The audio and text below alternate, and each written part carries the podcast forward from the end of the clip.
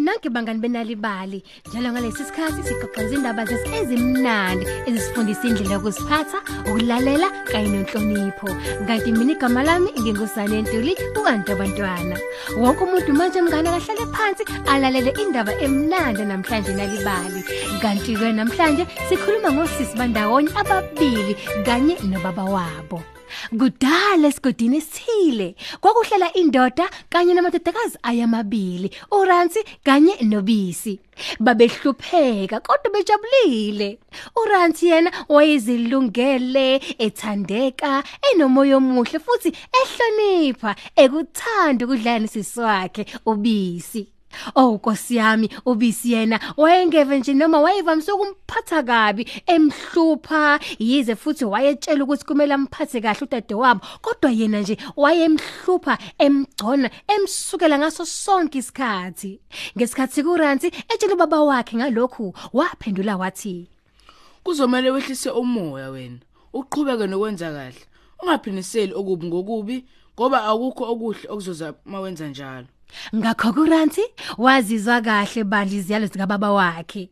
Wamthanda ubisi akathukuthelanga ukuthi nje wayemhlupha kangakanani noma wayemchwenze ethini kwangasizi lutho lokho. Ubisi yena wayeyivila avele dane nje ayekelela uranti enze wonke umsebenzi wasendlini. Yena wayekhonzile ukudlala alale noma nje ahambe nabangani bakhe.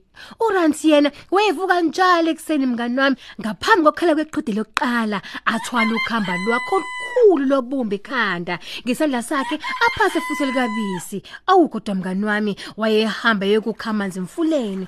Aphinde futhi abuyele emuva yonke lendlela nezinkambe ezisinda amanzi. Ranti qinisekisa ukuthi ushalelisisa kahle endlini. Kwakusho ubisi esho phela kusisi wakhe nebaloranti washalelisisa ngempela endlini. Oh Ranti, awushalelisisanga lana.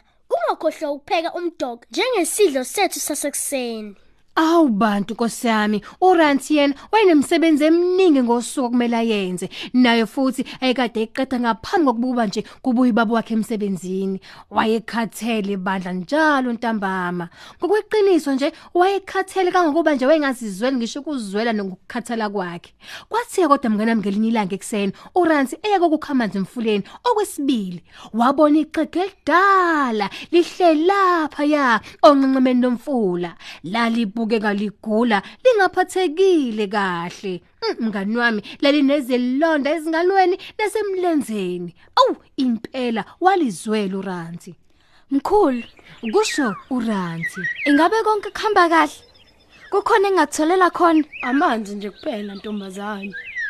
Kwakuphendula ikhehla nebaluranti walinikeza amanzi kuba liphuze waqebula isiqeshane ngubene kade eyifakile ukuba phela ambathise noma ambhandishe izilonda ezingalweni nasemlenzeni Oh ndodakazi yami, unenhliziyo enhle. Ufanelwe izinto ezinhle zodwa. Kunengadi lapha eceleni komfula. Hamba uye khona. Uzothola izihlahla ezimbili. Esinye sinamagatsha ezithelo ezisagolide. Ungawathinta amagatsha. Esinye sinesithelo ezibolile. Wena kuzomela ukhethe sisodwa isithelo esibolile. Usithathe uye nasekhaya. Ufike uhlephule phakathi. uranti wenza njengoba phela yaliwe esafikile ke ekhaya wasihlephula phakathi isithelo awu wakhipha uhlweza lwegolide akakholwanga kubona ngamehlo akhe impela lolu hlwezo lwegolide lwalwanele inani lombhedo wakhe omusha Ulithola lolu hleza. Kumemeza ubisi Ngitshele manje. Ha, ngokulunga kwakhe badla wamtshela ukuthi kwenzekeni emfuleni. Ngokusekwalandela ekuphumeni kwelanga, ubisi wavuka kuqala kakhulu. Wathatha izinkambu yokukhamaza emfuleni, enethemba lokuthi naye uzohlangana naleli xhege lidala. Esasondela nje ngasolunqenqemeni nomfula, nebala walibona lisahlezi. Leli xhegu leli elifana ngempela njengokuchaza kukaRanti. Mkhulu, Kusho ubisi ngokukhulu kwedele lokukhulu lokhu eqonda khona phela kwixhegu. ilaphi ingadi yemlingo? Ixhegu lamtshela lathi Wakhetha kuphela isithelo esibolile. Hayi lezi ezigolide. ubisi wawisela phansi ukhamba lokukha amanzi waqonda ngqo engadini wafika wabona isihlahla esinezithelo ezibolile nesinye esinezithelo zegolide Leli khehla ngiyabona cabanga ukuthi ngiyisilimo.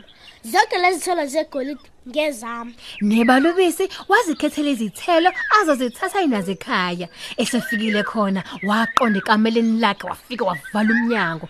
Phela wayengafuni kuba bambone mngani wami nohlezwa lwakhe lwegolide kade efike nalo. Ubisi waphonsa phansi wabe ezivula.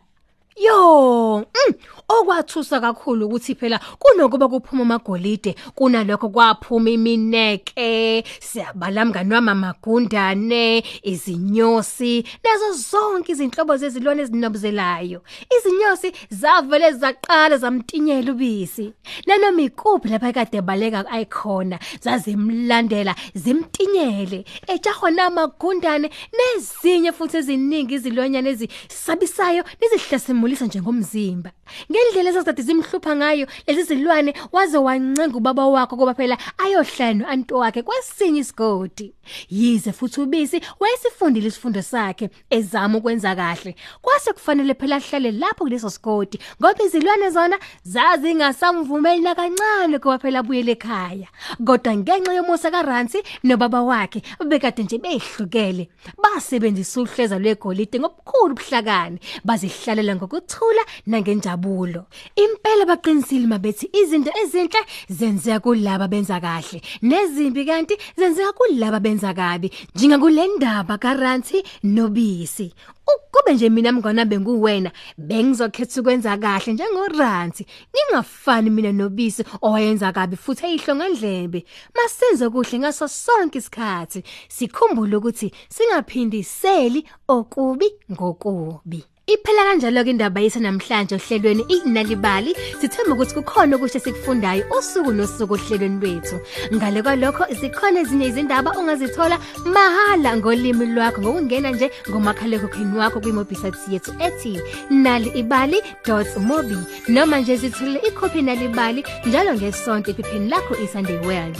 Mina ngingusane Ntuli uanti wabantwana ngithi nje ni sale kahle.